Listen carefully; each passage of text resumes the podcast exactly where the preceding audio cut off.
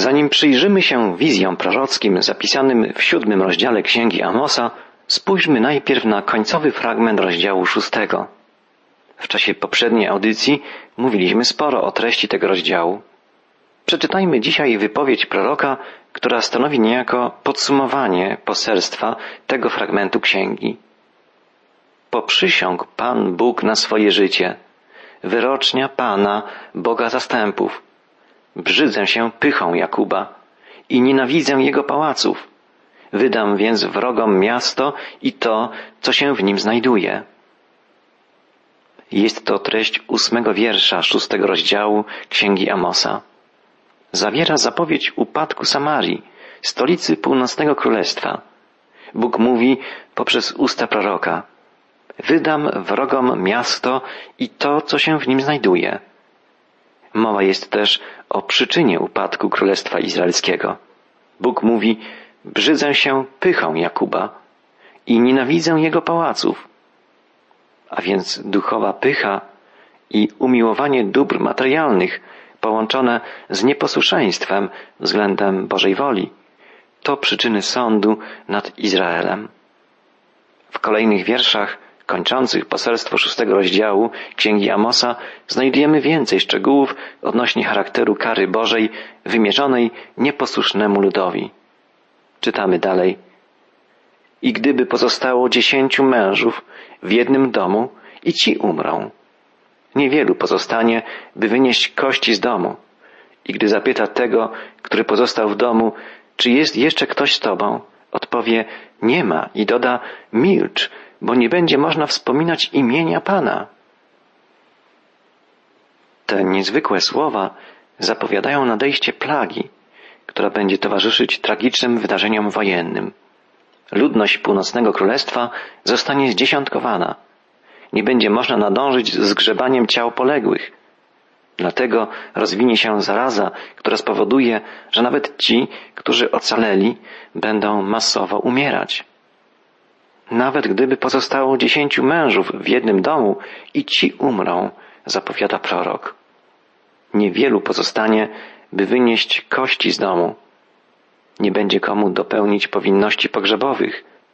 Klęska będzie tak wielka, że ludzie będą rozmawiali szeptem, jakby obawiając się, że ściągną na siebie nieszczęście, odzywając się pośród poległych.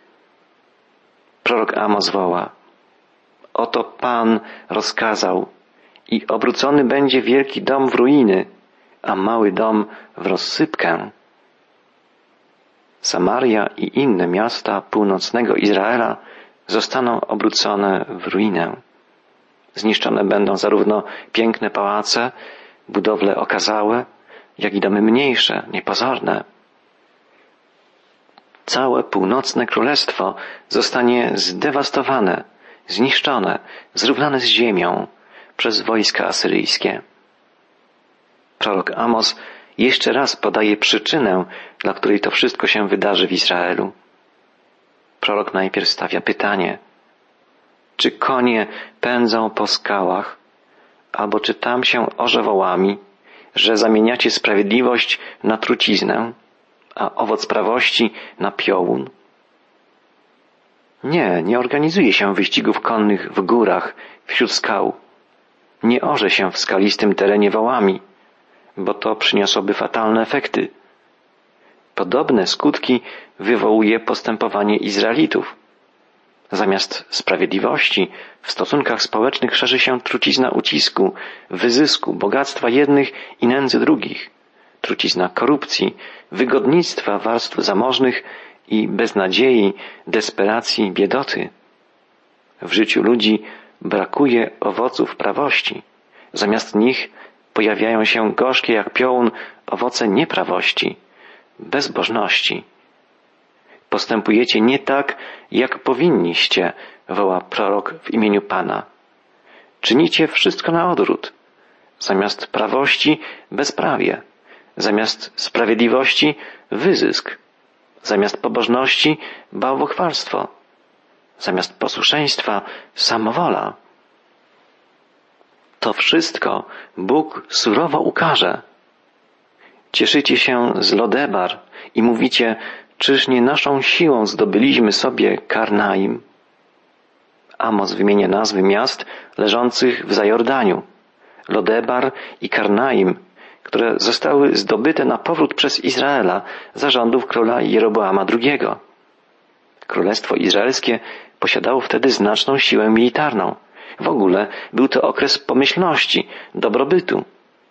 A jednak Boży prorok dostrzega nadchodzącą klęskę i ostrzega swych rodaków, że pozorne czy nawet rzeczywiste sukcesy nie gwarantują trwałego bezpieczeństwa. Osiągnąwszy względny dostatek, lud izraelski urósł w pychę i oddalił się od Boga, odwrócił się od swego Pana. I to był początek końca jego pomyślności. Prorok Amos przekazuje Boży wyrok. Lecz oto ja wzbudzę przeciwko wam, domu Izraela, wyrocznia Pana, Boga zastępów, naród, który was uciemięży, od wejścia do Hamat aż do potoku Araby. Określenie od wejścia do Hamat aż do potoku Araby to wyrażenie przysłowiowe, oznaczało całą ziemię obiecaną, podobnie jak określenie od Dan do Beerszeby. Prorok Amos zapowiada upadek całego Izraela, ponieważ Izrael odwrócił się od Boga i odmówił swemu Panu posłuszeństwa, zostanie ukarany, będzie zdruzgotany, by miał szansę się ukorzyć, nawrócić, by na powrót wołał do Pana. Kiedy studiowaliśmy Księgę Sędziów, mówiliśmy o pewnej prawidłowości, którą można dostrzec na przestrzeni dziejów Izraela, a także dziejów innych narodów biblijnych. W księgach historycznych, mądrościowych i prorockich Starego Testamentu widoczna jest pewna cykliczna ciągłość, na podstawie której można formułować biblijną filozofię historii. Filozofia historii, widziana z Bożej perspektywy, zdefiniowana jest w jakimś sensie w Księdze Przypowieści, gdzie w 34 wierszu rozdziału 14 czytamy Sprawiedliwość wywyższa naród, a czyn haniebny narody pomniejsza. W historii Izraela zamiast ciągłego, stopniowego rozwoju następowała uporczywa, niszcząca degradacja narodu izraelskiego. Ciągle powtarzały się upadki wynikające z nieposłuszeństwa, z odstępstwa. I mimo, że Bóg ze swego miłosierdzia podnosił i ratował lud, to jednak degradacja Izraela postępowała. Możemy dostrzec w losach Izraela jak gdyby koło historii z powtarzającymi się wydarzeniami, następującymi po sobie z żelazną konsekwencją. Na początku widzimy naród żyjący zgodnie z Bożymi poleceniami. Naród, który słucha Bożego głosu i postępuje zgodnie z Bożą wolą. Potem w czynach ludu pojawia się zło. Ludzie zapominają o Bogu. Każdy czyni to, co uważa za słuszne. Goni za tym, co wydaje się sprawiać mu przyjemność. To prowadzi do zniewolenia. Następują kryzysy społeczne i polityczne, powstania i wojny. Nadchodzi niewola, całkowity upadek, poniżenie. Wtedy naród zaczyna na powrót wołać do Boga. Poniżony, upodlony zwraca się ku Bogu, pokutuje. Bóg wzbudza wśród ludu obrońcę, sędziego, proroka. W efekcie jego działania następuje wyzwolenie. Oswobodzony i przebudzony naród słucha głosu Boga, żyje przez jakiś czas zgodnie z Bożymi poleceniami. Ale wkrótce w postępowaniu ludzi pojawia się znów zło. Ludzie znowu zapominają o Bogu. Gdy jest im dobrze, zaczynają postępować według swoich egoistycznych pobudek. To powoduje, że stają się niewolnikami swoich pragnień, swoich rządz, nie liczą się z pragnieniami innych. Następują kryzysy, konflikty, niepokoje, wybuchają wojny. Całe narody upadają, dostają się do niewoli, zostają upokorzone i poniżone. Wtedy zaczynają znowu szukać Boga, wołać do Niego, okazują skruchę. Tak toczy się historia. Nie tylko historia Izraela, nie tylko historia innych narodów, o których pisze Biblia. Taką prawidłowość możemy dostrzec w ogóle w historii ludzkości. I nasz naród nie jest tu wyjątkiem. Powtarzają się w naszej trudnej polskiej historii te same błędy. Oddaje to znane przysłowie: historia lubi się powtarzać.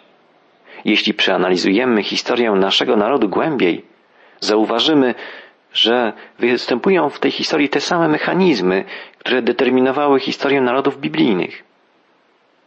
Wielki prorok Izajasz także ukazuje Boże spojrzenie na historię. Definiuje filozofię historii tak, jak widzi ją Bóg. Wielki prorok wyróżnił trzy główne etapy historii narodów. Trzy kroki prowadzące do upadku. Najpierw następuje duchowe odstępstwo, oddalenie się od Boga. Powoduje to moralną degradację, upadek kultury i gospodarki całego kraju. W efekcie to trzeci etap. Kształtuje się polityczna anarchia, następuje ostateczna klęska, popadnięcie w niewolę, utrata niepodległości, a nawet unicestwienie państwowości i tożsamości narodowej. W historii wielu narodów, i starożytnych, i nowożytnych, w historii narodów nam współczesnych, a także niestety w naszej polskiej historii możemy dostrzec potwierdzenie tej prawidłowości. Początkiem upadku człowieka i upadku całych narodów jest odstępstwo, oddalenie się od Boga. Powrót do Boga jest jedynym ratunkiem, jedyną nadzieją na ocalenie. Już nieraz w trakcie naszych radiowych spotkań podkreślałem, że osobiście nie widzę szansy na zdecydowaną poprawę sytuacji naszego narodu bez prawdziwego duchowego przebudzenia, bez gruntowej odnowy duchowej i moralnej. A taka odnowa możliwa jest tylko wtedy, gdy naród powraca do Boga, gdy wsłuchuje się w Jego słowo, gdy szuka Jego woli. Jeszcze raz chcę podkreślić, że widzę jedyną drogę wiodącą ku pomyślności naszego kraju. Drogę upamiętania się, ukorzenia przed Bogiem, przeproszenia za grzechy i prośby o odnowienie, o odrodzenie, oczyszczenie duchowe i moralne. Drodzy przyjaciele, módlmy się o przebudzenie naszego narodu, o odnowienie poprzez Ducha Świętego, poprzez Boże Słowo. Bóg będzie nam błogosławił, gdy będziemy Go szukać, gdy będziemy szukać Jego woli, Jego prawdy, gdy szczerze zapragniemy kroczyć przez życie u Jego boku. Przejdźmy do lektury następnego, siódmego rozdziału Księgi Amosa. Ten ważny fragment księgi otwierają następujące słowa proroka. To mi ukazał Pan, Bóg. Oto tworzy szarańczę na początku odrastania potrawu, a był to potraw po sianokosach królewskich. Jest to początek pierwszej wizji prorockiej, wizji szarańczy. Amos widzi Pana wysyłającego szarańczę w czasie odrastania potrawu, czyli w czasie, gdy zwieziono już pierwszy zbiór traw i zaczęła wyrastać trawa do następnego, drugiego zbioru. Trzeba tu zaznaczyć, że w Izraelu pierwszy zbiór należał w całości lub częściowo do króla. Stąd zwany był zbiorem królewskim. Ludzie żyjący z roli liczyli więc na drugi zbiór, który miał być głównym źródłem paszy dla ich zwierząt. W tym właśnie czasie Pan przygotowuje szarańczę, która ma pożreć odrastającą trawę, co dla rolników i dla ich hodowli oznacza całkowitą klęskę. To doświadczenie miało wstrząsnąć całym narodem, miało pobudzić Izraelitów do pokuty, do upamiętania. Kiedy prorok Amos zrozumiał znaczenie tej wizji, zaczął wołać do Boga. Jak czytamy dalej, i gdy ona zjadała doszczętnie trawę na ziemi, prosiłem, Panie, Boże, przebacz, jakże się ostoi Jakub, przecież jest taki mały. Prorok błaga w imieniu narodu o przebaczenie. Jaka będzie odpowiedź Pana? Wiersz trzeci. Zmiłował się Pan nad nim. To się nie stanie, rzekł Pan. Bóg usłuchał wołania proroka, odwołał szarańczę, pozwolił, by trawa wyrosła, by rolnicy zebrali dobre plony. Można by sądzić, że Boże miłosierdzie, Boża dobroć i cierpliwość skłonią Jego lud do ukorzenia się, do upamiętania. Ale ludzie po raz kolejny odrzucili Bożą miłość, nie przyjęli Bożej łaski. Pan daje drugą wizję swemu prorokowi. Amos woła, to mi ukazał Pan, Bóg. Powołał jako narzędzie sądu ogień i strawił wielką otchłań i strawił dział pański. Większość komentatorów biblijnych uważa, że jest to zapowiedź wielkiej suszy, która nawiedzi ziemię izraelską. Gdy wysychają trawy, krzewy, drzewa, każda iskra wznieca wielki ogień. Uderzenie pioruna, porzucony niedopałek, także dzisiaj powodują pożary, które trudno ugasić, mimo całego postępu technicznego, mimo zaangażowania armii ludzi i sprzętu przygotowanego na takie wypadki, łącznie z helikopterami i samolotami zrzucającymi duże ilości wody. Kiedy w Izraelu przychodziła klęska suszy, gdy długo nie padały deszcze, wybuchały wielkie pożary, które niszczyły wszelkie uprawy. I znów słyszymy słowa proroka, który błaga o odwrócenie klęski, o ocalenie dla Izraela. Amos świadczy i prosiłem, Panie, Boże, przestań. Jakże się ostoi Jakub? Przecież jest taki mały. Zmiłował się Pan nad nim. Również i to się nie stanie, mówi Pan, Bóg. Pan zlitował się nad swoim ludem. Prawdopodobnie zesłał obfity deszcz, który zapobiegł pożarom i oddalił klęskę suszy. Bóg zlitował się. Pan okazał miłosierdzie. Także i nam. Posłał na świat swego syna, jedynego syna, Zbawiciela. Czy przyjęliśmy Jego dar? Największym błędem jest odrzucenie Bożej miłości, Bożego zbawienia, Bożej łaski. Posłuchajmy Bożego proroka. Amos świadczy. To mi ukazał, oto Pan stoi na murze i w ręku jego pion ołowiany. I zapytał mnie Pan, co widzisz, Amosie? Odpowiedziałem, pion ołowiany. I rzekł Pan, oto opuszczę pion pośrodku ludu mego, Izraela. Już mu więcej nie przepuszczę.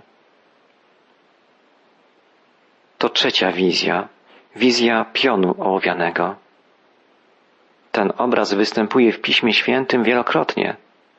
W księdze Jeremiasza czytamy, oto idą dni, mówi Pan, że miasto będzie odbudowane dla Pana od wieży Hananeela aż do bramy narożnej. A dalej sznur mierniczy będzie biegł wprost ku wzgórzu Gareb. Podobnie prorokowali Izajasz i Zachariasz.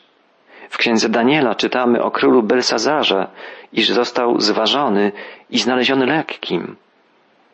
Ilekroć w Biblii jest mowa o ważeniu czy mierzeniu, dokonywanym przez Boga, jest to zapowiedź Bożego Sądu, zapowiedź surowej oceny postępowania ludzi, którzy nie dorastają do miar Bożych, odrzucają, łamią Boże standardy, są nieposłuszni, krnąbrni, zbuntowani. Prorok Amos tym razem nie woła już do Pana z prośbą o zmiłowanie. Prorok wie, że Bóg postanowił osądzić krnąbrny lud. Czytamy w wierszu dziewiątym. Spustoszone będą wyżyny Izaaka i świątynie Izraela będą zniszczone. Wystąpię z mieczem przeciwko domowi Jeroboama. Zarządów potomków Jeroboama nastąpi początek końca Królestwa Północnego. Pan zmierzył i zważył swój lud i znalazł go lekkim. A jak jest z nami, drogi przyjacielu? Czy Bóg widzi w nas jakąkolwiek wartość? Czy widzi w nas zmiany dokonane przez Jezusa Chrystusa? Tylko złączeni, zjednoczeni ze Zbawicielem, Bożym Synem, możemy pasować do Bożego Królestwa. Na koniec spójrzmy na opowieść proroka zapisaną w drugiej części siódmego rozdziału księgi. Amos relacjonuje osobiste doświadczenia. Posłał Amazjasz, kapłan z Betel, do Jeroboama, króla izraelskiego, aby mu powiedzieć, spiskuje przeciwko tobie Amos pośród domu Izraela. Nie może ziemia znieść wszystkich mów jego, gdyż tak rzekł Amos. Od miecza umrze Jeroboam i Izrael będzie uprowadzony ze swojej ziemi. Amazjasz nie był prawdziwym kapłanem. W Betel nie było przecież świątyni Pana. Kapłani, według porządku Aarona, sprawowali służbę w domu Bożym w Jerozolimie. W Betel natomiast stał posąg Złotego Cielca. Amazjasz był jednym z fałszywych kapłanów pogańskiego kultu. I to, co mówił, było fałszem, kłamstwem.